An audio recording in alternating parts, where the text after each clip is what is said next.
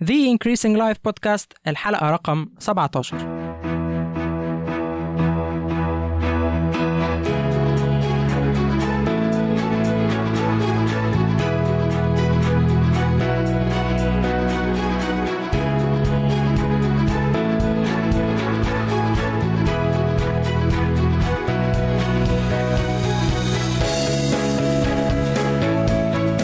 أهلا بيك في حلقة جديدة من The Increasing Life البودكاست اللي بتقدمه لك Increase واللي بيساعدك تتقدم في جوانب حياتك المختلفة وتعيش حياة أكتر. أنا ماركو منير البودكاست هوست ويسعدني إني أكون معاك في الحلقة دي. خلال الحوارات اللي بنقدمها بنكون مهتمين إننا نقدم القصة والتجربة اللي ورا نجاح وإنجازات ضيوفنا. معظمنا قرا كتب عن النجاح لكن في الآخر قليلين مننا اللي بينجحوا. عشان كده إحنا بنستضيف شخصيات حققت نتائج إيجابية في حياتهم وقدروا إنهم يحققوا نجاح في مجالات مختلفة من الحياة. هتسمع القصة من حد خاض التجربة بنفسه وهيحكي لك عن رحلته. إزاي قدر يلاقي المجال اللي هو بيحبه وإيه هي نقطة التحول في حياته؟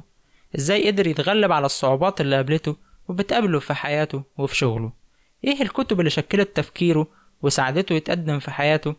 إزاي بيطور من نفسه بشكل مستمر عشان يقدر يحافظ على اللي حققه وكمان يحقق نتائج أفضل؟ إزاي بيقدر ينظم وقته ويحافظ على التوازن ما بين حياته الشخصية وحياته العملية؟ كل ده وحاجات تانية أكتر هتسمعها وتعرفها من ضيوفنا. إحنا هنا مش بنحاول نفرض تعريف أو تصور معين للنجاح لكن دوري خلال الحوار بيكون هو إني أنقلك تجربة ضيفي وفكره وأعرف إزاي هو قدر يوصل للنتائج اللي حققها في حياته عشان أنت كمان تقدر تستفيد من الأفكار دي وتطبقها في حياتك وتحقق النتائج اللي أنت عايز توصل لها. الحلقة دي تكملة للحلقة رقم 14 من البودكاست اللي اتكلمنا فيها عن إزاي تختار أهدافك للسنة الجديدة. إزاي تحقق أهدافك من سنة 2017 في الحلقة دي هنتكلم عن السبب الرئيسي اللي عشانه معظم الناس بتفشل في إنها تحقق أهدافها.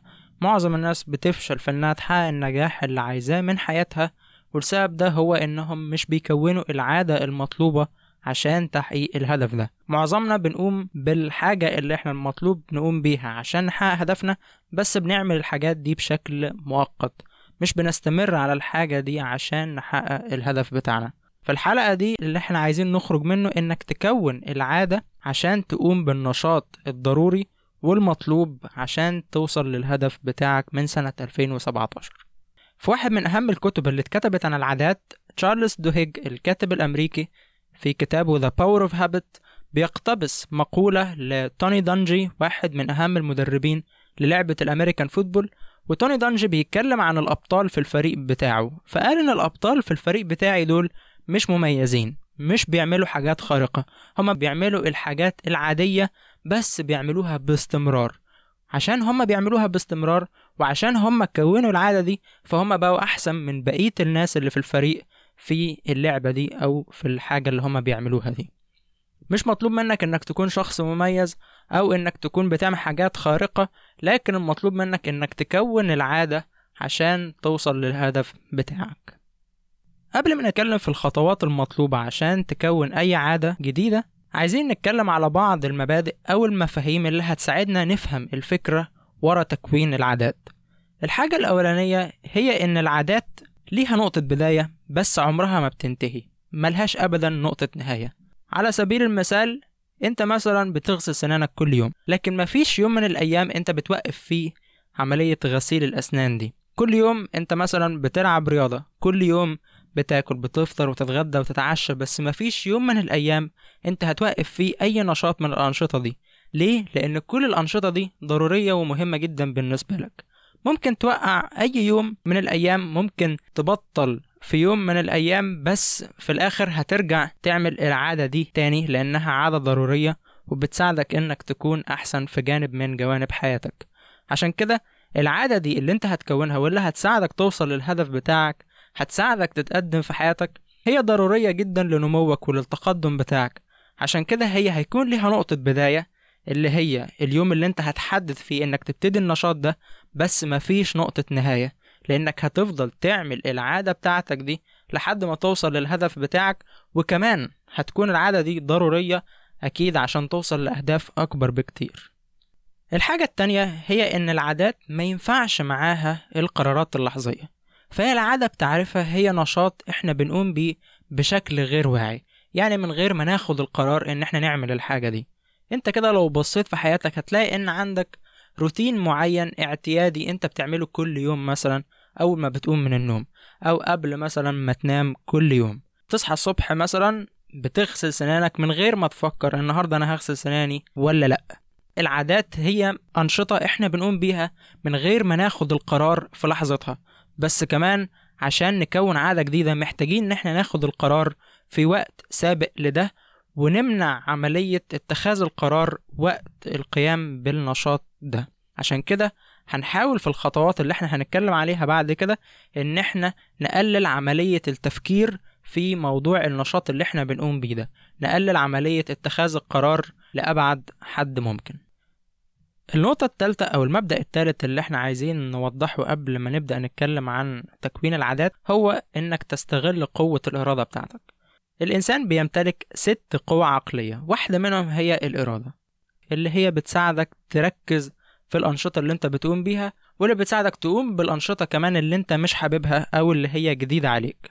والدراسات الحديثة أثبتت إن إرادة الإنسان عاملة زي أي عضلة. العضلات بتبقى في قمة قوتها. ونشاطها في وقت من الأوقات ومع الاستخدام على مدار اليوم بتستهلك. نفس الكلام بالنسبة للإرادة بتاعة الإنسان. هي بتبقى في قمتها في بداية اليوم ومع الوقت مع كل قرار جديد أنت بتاخده مع كل نشاط أنت مش عايز تقوم بيه ومش متعود عليه وبتستخدم عقلك الواعي في القيام بيه بتستهلك الإرادة بتاعتك دي. عشان كده حاول تخلي العادات الجديدة اللي انت عايز تكونها على قد ما تقدر. تكون بتتم في بداية اليوم بتاعك أو أقرب وقت لبداية اليوم. النقطة الرابعة اللي أنا عايز أتكلم عنها هي إنك تستغل المومنتم أو الزخم في تكوين العادات. العادات زي أي حاجة في حياتنا في بدايتها بتكون صعبة جدا وبتحتاج مجهود كبير عشان تتم لكن كل ما بتعمل النشاط ده كل ما العادة بتكون أقوى كل ما العادة بتكون راسخة في عقلك بشكل أكبر. ومع الوقت الموضوع ده بيكون أسهل وبتحتاج منك تفكير أقل وانتباه وتركيز أقل بكتير. دلوقتي خلينا نبدأ مع الخطوات اللي هتساعدك على تكوين أي عادة جديدة. أنا هنا في الجزء ده بتكلم على تكوين العادات الجديدة لأن ده اللي بيخدم موضوع الحلقة بتاعتنا. بس ممكن الخطوات دي لو أنت أخدتها وفهمت ال concept وراها تقدر تستخدم نفس الخطوات دي في إنك تتخلص من عادات سيئة عندك بتعطلك برضو عن الوصول للهدف بتاعك. الخطوة الأولى هي إنك تحدد ال keystone habit بالنسبة لك. ال keystone habit هو مبدأ بيعرفه تشارلز دوهيج في الكتاب بتاعه The Power of Habit. إن هي زي حجر الزاوية أو حجر الأساس في أي حيطة أو في أي مبنى. الحجر ده لو محطوط بشكل سليم بتتبني عليه بقية الحجارة وبيتبني عليه بقية المبنى. لو الحجر ده اتحرك من مكانه بيأثر بشكل كبير جدا في الحيطة وممكن الحجر ده يتسبب في إن الحيطة نفسها أو المبنى نفسه ينهار. نفس الكلام بالنسبة للعادات. لو العادة الأساسية دي اتكونت بشكل سليم واستقرت بقية الأنشطة والحاجات اللي انت محتاج تقوم بيها عشان توصل للهدف بتاعك هتكون أسهل بكتير بعد ما العادة دي تكون استقرت. عشان كده أنا عايزك تفكر في الهدف بتاعك. إيه هو النشاط الأهم بالنسبة لك؟ اللي لو النشاط ده بقى عادة عندك ما بقيتش بتفكر فيه كتير وبقى بيحصل بشكل مستمر وبشكل تلقائي بقية الأنشطة هتكون أسهل بكتير. بعض الناس بتكون بالنسبة لهم ال keystone habit مثلا هي إنهم يتمرنوا يوميا أو يلعبوا رياضة ويهتموا بصحتهم. ولما بيهتموا بالجانب ده من حياتهم بينعكس على شغلهم وعلى علاقاتهم مع أصحابهم وعلى نفسيتهم وعلى حاجات كتير جدا في حياتهم. بالنسبة لناس تانية مثلا موضوع ال monitoring إن هم بيتابعوا نفسهم في نشاط معين ده ممكن يكون keystone habit بالنسبة لهم في تحقيق أهداف كتير. يعني على سبيل المثال لو واحد بياكل كتير جدا أو بيشرب سجاير كتير فمجرد إن هو يتابع المرات اللي بياكل فيها والحاجات اللي بياكلها والكالوريز بتاعتها أو الشخص اللي بيشرب سجاير مجرد إن هو يتابع كم مرة شرب سجاير في اليوم ده وكم سيجارة شربها ويجي يبتدي يقارن الأرقام دي ببعضها هيبتدي ياخد باله من عاداته دي بشكل مختلف وهتفرق جدا في النشاط اللي هو بيقوم بيه ده ومدى استمراره على النشاط ده. أنا بالنسبة لي ودي واحدة من ال keystone habits اللي هتفرق معايا في وصولي للهدف اللي أنا عايز أوصل له هي إني أصحى كل يوم الساعة 6 الصبح. ليه بالنسبة لي الصحيان بدري هو keystone habit ده أنا هتكلم معاك عنه في الخطوة التانية. الخطوة التانية هي إنك تكتب كل الأسباب اللي علشانها العادة دي مهمة بالنسبة لك وضرورية لتحقيق الهدف اللي أنت عايز توصل. جيم رون المحاضر الأمريكي المشهور بيقول ال motivation هو اللي بيحركنا عشان نبدأ. لكن عشان نستمر فاحنا محتاجين للعادات إيه الدافع اللي بيخليك تعمل أصلا النشاط ده؟ قد إيه النشاط ده ضروري بالنسبة لك عشان توصل للهدف بتاعك؟ هو ده اللي هيخليك تبتدي وهو ده اللي هيساعدك. كل ما تفتكر الأسباب دي في الفترة الأولى اللي إحنا اتكلمنا عنها اللي هي بتبقى أصعب في تكوين أي عادة كل ما هيكون دافع بالنسبة لك إنك تكمل عشان تستمر وتوصل للهدف بتاعك. عشان كده أنا حضرت لستة بالأسباب اللي أنا علشانها عايز اصحى كل يوم الساعة 6 الصبح. من ضمن الأسباب بتاعتي هي إن صحيان الساعة 6 الصبح هيساعدني إني أحسن البرودكتيفيتي بتاعتي إني أكون بنجز حاجات أكتر في شغلي وفي حياتي في يومي لما هصحى الساعة 6 الصبح. الحاجة التانية هي إن الوقت ده من اليوم بيكون أهدى بكتير فبيساعدني إني أنجز حاجات أكتر من يومي وإن ما يكونش فيه أي نوع من الديستراكشن أو التشتت في يومي. السبب التالت اللي علشانه العادة دي مهمة بالنسبة لي إن لما بصحى بدري كده الساعة ستة الصبح بكون منهك أكتر على نهاية اليوم وده بيساعدني إني أنام بشكل أعمق وأنام بشكل أسرع. فهو كمان بيساعدني بيفرق في جانب تاني في حياتي هو إني أنام بشكل أفضل. السبب الرابع هي إن فكرة إن أنا بكون صاحي في الوقت اللي ناس كتير جدا لسه كسلانين ولسه نايمين ولسه ما ابتدوش شغلهم وأنا في الوقت ده بشتغل وبنجز حاجات كتير بيديني نوع من الثقة في نفسي وبيديني دافع وحافز كبير إني أكمل بيديني إحساس بالأفضلية وإحساس بالتقدم. فعلشان كده أنا ببقى عايز أواظب وأحافظ على العادة دي. الخطوة التالتة اللي هتساعدك في تكوين أي عادة جديدة هي إنك تكون مسؤول. حاول تخلي في نوع من المسؤولية قصاد نفسك أو قصاد أي حد تاني علشان تستمر على العادة دي. خلي حد يراقبك أو يتابعك وتكون ملتزم قصاده بأنك هتعمل العادة دي أو هتقوم بالنشاط ده. في نوعيتين من الناس بالنسبة لموضوع المسؤولية ده. في نوعية من الناس بتستجيب للمسؤولية بشكل علني بمعنى تاني اللي هما بنسميهم public resolvers. والpublic resolvers دول على سبيل المثال كان واحد منهم توماس إديسون. توماس إديسون المخترع الأمريكي الكبير لما كانت بتجيله فكرة لأي اختراع جديد بيروح عامل مؤتمر صحفي ويعلن قصاد كل وسائل الإعلام الأمريكية وقصاد العالم كله إن أنا دلوقتي بشتغل على اختراع جديد وإني هوصل للاختراع ده. طبعا هو ما بيكونش وصل لأي حاجة في الاختراع ده هو بس مجرد بتكون عنده الفكرة. لكن هو بالطريقة دي لما بيحط نفسه قدام مسؤولية قصاد العالم كله ويحط اسمه وسمعته كمخترع كبير وليه إنجازات كتيرة قصاد الشعب الأمريكي ما بيبقاش فيه أي فرصة إن هو يتراجع أو أي فرصة إن هو يقول لأ ده أنا ما قدرتش أعمل الاختراع ده وإن أنا فشلت. في الحالة دي هتتهز صورته قصاد الناس فهو بيخلي ده كنوع من الحافز إن هو يكون مسؤول وإن هو يوصل للاختراع بتاعه عشان يحافظ على صورته قصاد الناس. ده بالنسبة للي هم البابليك ريزولفرز أو الناس اللي هم بيستجيبوا للمسؤولية بشكل علني. في ناس تانية مثلا ممكن تروح كاتبة على فيسبوك إن أنا من النهاردة هحافظ مثلا على أكلي بشكل صحي هاكل بشكل صحي. أو إن أنا من النهارده هنام بدري مثلا وهصحى بدري. ايا كانت العادة بتاعتك أنت ممكن مثلا تكتب على فيسبوك أو أي نوع من ال social media وتلتزم قصاد أصحابك بالمسؤولية عشان تستمر على النشاط الجديد ده. في نوعية تانية من الناس اللي هم ال private resolvers بيحبوا إن هم يحافظوا على خصوصيتهم. وإن هم ما يعلنوش عاداتهم وأهدافهم بالنسبة للناس اللي حواليهم. وفي الحالة دي أنت ممكن تكون محتاج حد مثلا زي مدرب أو شخص متخصص في الحاجة اللي أنت عايز تقوم بيها دي. شخص قريب منك إن هو يساعدك إنك تكون مسؤول قصاد نفسك علشان تحقق العادة دي. عايز بس أقول ملحوظة بالنسبة للناس اللي هي هتكون مسؤولة قصاد حد تاني. الناس القريبين منك إخواتك مثلا أو أصحابك القريبين قوي أو مثلا حتى مراتك غالبا مش بيكونوا مناسبين إن هم يساعدوك في موضوع الاكونتابيلتي ده إن أنت تلتزم بالعادة بتاعتك لأن مش هتكون عندهم القدرة الكافية إن هم يلزموك بالعادة الجديدة دي.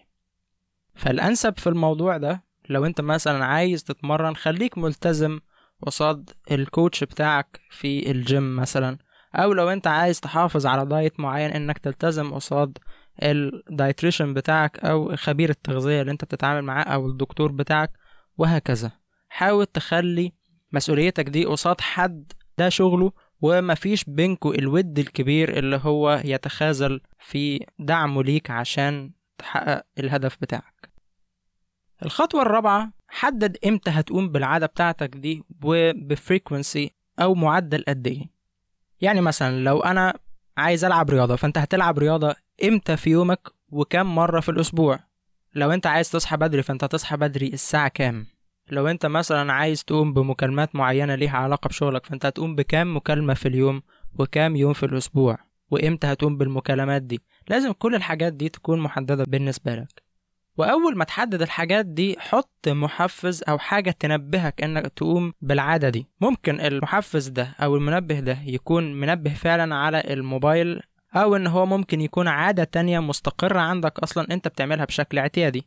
يعني على سبيل المثال لو أنا مثلا العادة بتاعتي إني أجري كل يوم فأنا ممكن يكون المنبه بتاعي إني أول ما هصحى من النوم هنزل أجري مثلا قبل الفطار. ممكن يكون ده المحفز أو المنبه بتاعي الحاجة اللي هتلفت انتباهي إني أقوم بالعادة دي. ممكن يكون مثلا إن أول ما أوصل للمكتب بتاعي هقوم بالمكالمات اللي أنا المفروض اعملها الساعة عشرة مثلا الصبح كل يوم أنا هقوم بالنشاط الفلاني العادة الجديدة اللي أنا عايز أكونها. المهم إن أنت لازم تكون محدد وقت معين ومحفز معين أو حاجة معينة هتنبهك عشان تقوم بالعادة دي. لأنك لو سبتها كده لأي وقت تقوم بيها غالبا مش هتعملها خالص. فأنا مثلا بالنسبة لي هظبط منبه كل يوم الساعة ستة الصبح. أول ما المنبه ده يرن أنا هقوم من النوم. الخطوة الخامسة خلي العادة دي مناسبة. بمعنى تاني خلي البيئة اللي حواليك والظروف المحيطة بيك تسهل لك إنك تقوم بالعادة دي أو بالنشاط ده. لأن إحنا غالبا بنعمل الحاجة لو هي مناسبة وممكنة في الوقت الحالي وما بنعملهاش لو هي مش مناسبة. هديلك مثال مثلا. لو واحد بيشرب سجاير كتير علبة السجاير جنبه باستمرار فسهل جدا إن هو يطلع سيجارة ورا سيجارة ويشرب السجاير. لكن لو المكان اللي هو فيه ما فيهوش سجاير لو البيت كله ما فيهوش سجاير هيبقى الموضوع صعب جدا إن هو ينزل من البيت عشان يشتري سجاير. الموضوع دلوقتي بقى أصعب فغالبا هو هيكسل إن هو يعمل ده وهيأجل الموضوع ده لوقت تاني. لو أنت عايز تقوم بفعل معين أو نشاط معين سهله. لو أنت عايز تلعب رياضة مثلا باستمرار خلي الشنطة بتاعتك اللي فيها اللبس بتاعك والحاجة اللي أنت بتحتاجها في الجيم مثلا جاهزة قبل ما تنزل وتروح للجيم. أو لو أنت عايز تذاكر في وقت معين حاول تخلي الكتب بتاعتك والورق بتاعك والمكتب بتاعك فاضي ومناسب يشجعك على المذاكرة. حاول تبعد أي حاجة تعطلك أو تشتتك عن المذاكرة. جهز نفسك وحضر نفسك وخلي المذاكرة مرحب بيها في الوقت وفي المكان اللي أنت فيه. إزاي هخلي العادة بتاعتي أنا اللي هي إني أصحى كل يوم الساعة ستة الصبح مناسبة؟ هحاول إني أنام بشكل كافي في يومي عشان لما المنبه بتاعي يرن ما أكونش تعبان وأقوم بسهولة. الحاجة التانية إني مش هفتح مثلا فيسبوك أو هتفرج على التلفزيون قبل ما أخش أنام بساعة عشان دماغي ما تنشغلش بالتلفزيون أو بالفيسبوك. الحاجة التالتة هي إني مثلا هعمل تشيك ليست أو لستة فيها كل الحاجات اللي أنا المفروض أقوم بيها قبل ما أخش أنام عشان أحضر ليومي بكرة. أو الحاجات الأنشطة الروتينية اللي أنا بعملها قبل ما أنام. مفيش أي حاجة هنساها. هخش أنام وأنجزت كل الحاجات اللي ورايا واللي المفروض أعملها. الحاجة الأخيرة هي إني هسيب تليفوني برا الأوضة بحيث إن أي حد يتصل بيا أو أي نوتيفيكيشن أي حاجة مش هتشتت انتباهي وتبعدني عن النوم. الخطوة السادسة تابع التقدم بتاعك بشكل مستمر. فكرة إنك تقيس النشاط بتاعك ده وقد إيه انت بتقوم بيه. هي دي اول خطوة هتساعدك انك تتحكم في النشاط ده وانك بالتالي تحسنه. في فكرة مثلا ممكن تساعدك انك تحافظ على التقدم بتاعك ده وتتابع المرات اللي بتقوم فيها بالنشاط أو بالعادة بتاعتك دي. هي انك تجيب ال calendar أو النتيجة اللي هي فيها كل شهر في صفحة وكل شهر بيبقى متقسم لمربعات صغيرة كل يوم ليه مربع. في المربع ده اعمل علامة X لما تقوم بالعادة بتاعتك. على انك عملت العادة دي النهاردة. كل ما تستمر في العادة دي أكتر والأيام اللي أنت بتعمل فيها العادة دي تكتر هتلاقي في سلسلة ابتدت تتكون ومش هتبقى حابب إنك تكسر السلسلة دي. وده هيساعدك إنك تحافظ على التقدم بتاعك وبالتالي تحافظ على العادة دي. الخطوة السابعة توقع العقبات اللي ممكن تقابلها قبل ما تحصل. إيه المشاكل اللي ممكن تقابلك واللي ممكن تمنعك عن إنك تقوم بالعادة اللي انت عايز تكونها دي. حاول تفكر إيه ممكن الحاجات اللي تعطلك انك تقوم بالنشاط ده. واكتبها في ورقة وحاول تلاقي خطة تمنع بيها كل حاجة دي كل عقبة دي من انها تحصل أو تساعدك انك تتخطاها.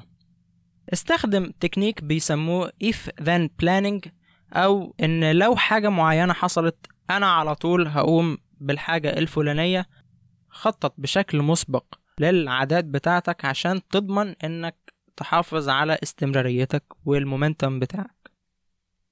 أنا لما فكرت مثلا إيه العقبات اللي ممكن تقابلني لما هاجي أقوم بالعادة بتاعتي اللي هي إني أصحى الصبح الساعة ستة لقيت مثلا إن ممكن المشاكل اللي تقابلني هي إني ما كنش نايم بشكل كافي وتعبان مش قادر إني أقوم. فعشان كده هحاول أضمن إني أكون نايم بشكل كافي اليوم اللي قبليه.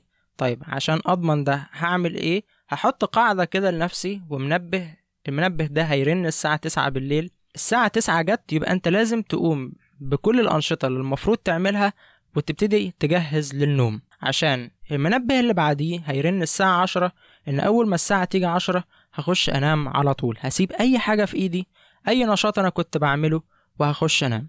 لأن دي الكيستون هابت بتاعتي اللي هتساعدني بشكل أساسي أوصل للهدف بتاعي فهي أهم من أي حاجة بقوم بيها دلوقتي. دول السبع خطوات اللي هيساعدوك تكون أي عادة جديدة عليك. هراجعهم معاك تاني بشكل سريع وفي ال show notes بتاعت الحلقة هتلاقي ال file اللي فيه ال exercises اللي هتساعدك تقوم بالخطوات دي. الخطوة الأولى هي إنك تحدد ال keystone habit بتاعتك. الخطوة التانية هي إنك تكتب كل الأسباب اللي علشانها العادة دي مهمة بالنسبة لك ومهمة بالنسبة للهدف بتاعك. الخطوة التالتة هي إنك تكون مسؤول قصاد نفسك أو قصاد الناس التانية اللي حواليك. الخطوة الرابعة هي إنك تحدد الميعاد اللي هتقوم فيه بالعادة دي والفريكونسي أو المعدل اللي هتعملها بيه وتحدد المنبه أو المحفز اللي هيساعدك عشان يفكرك بإنك دلوقتي لازم تقوم بالعادة دي. الخطوة الخامسة إنك تحاول تخلي البيئة اللي حواليك والمكان اللي حواليك يساعدك على إنك تقوم بالعادة دي بأكبر شكل ممكن. خلي العادة بتاعتك مناسبة لو انت بتكون عادة جديدة أو غير مناسبة لو انت عايز تتخلص من عادة سيئة عندك. الخطوة السادسة إنك تتابع التقدم بتاعك. الخطوة رقم سبعة توقع المشاكل والعقبات اللي ممكن تقابلك وخطط لها من دلوقتي. بكده تنتهي الحلقة بتاعتنا. كل المعلومات اللي إحنا اتكلمنا عنها هتكون موجودة في ال show notes الخاصة بالحلقة على موقعنا على ال link increaseeg.com forward slash 17 قبل ما أختم الحلقة عايز أسألك سؤال. مين الشخص اللي تحب تسمعه كضيف في الحوارات اللي بنقدمها؟ مين عايز تسمع قصته أو عايز تعرف إزاي هو قدر يوصل للنتائج اللي هو بيحققها دلوقتي؟ ابعت لنا ترشيحاتك على الإيميل ilife at increaseeg.com وكمان احكي لنا عن رأيك في حلقاتنا. إيه هي الحاجات اللي ممكن نعملها عشان تستمتع بالحلقات بتاعتنا وتستفيد منها بشكل أكبر؟ ابعت لنا أسئلتك تعليقاتك وترشيحاتك على ال email ilife at increaseeg.com ونوعدك بإننا هنرد عليك في أقرب وقت ممكن. لو عجبتك الحلقة دي ومش عايز تفوتك الحلقات الجاية تقدر تعمل subscribe لل podcast بتاعنا من خلال application Podcast لو أنت بتستخدم iOS أو من خلال application Podcast Addict لو أنت بتستخدم Android اعمل search في ال application المناسب ليك بودكاست أو Podcast Addict اكتب The Increasing Life وهتلاقي البودكاست بتاعنا ظهر لك على طول. بعد كده هتلاقي option إنك تعمل subscribe أول ما تبقى subscriber أي حلقة جديدة هتنزل من البودكاست بتاعنا هتلاقي ال application بيعمل لها download على موبايلك بشكل تلقائي. وتقدر بعد كده تسمعها براحتك في أي وقت وفي أي مكان. بكده تنتهي حلقة الأسبوع ده. نتقابل في حلقة جديدة الأسبوع الجاي إن شاء الله.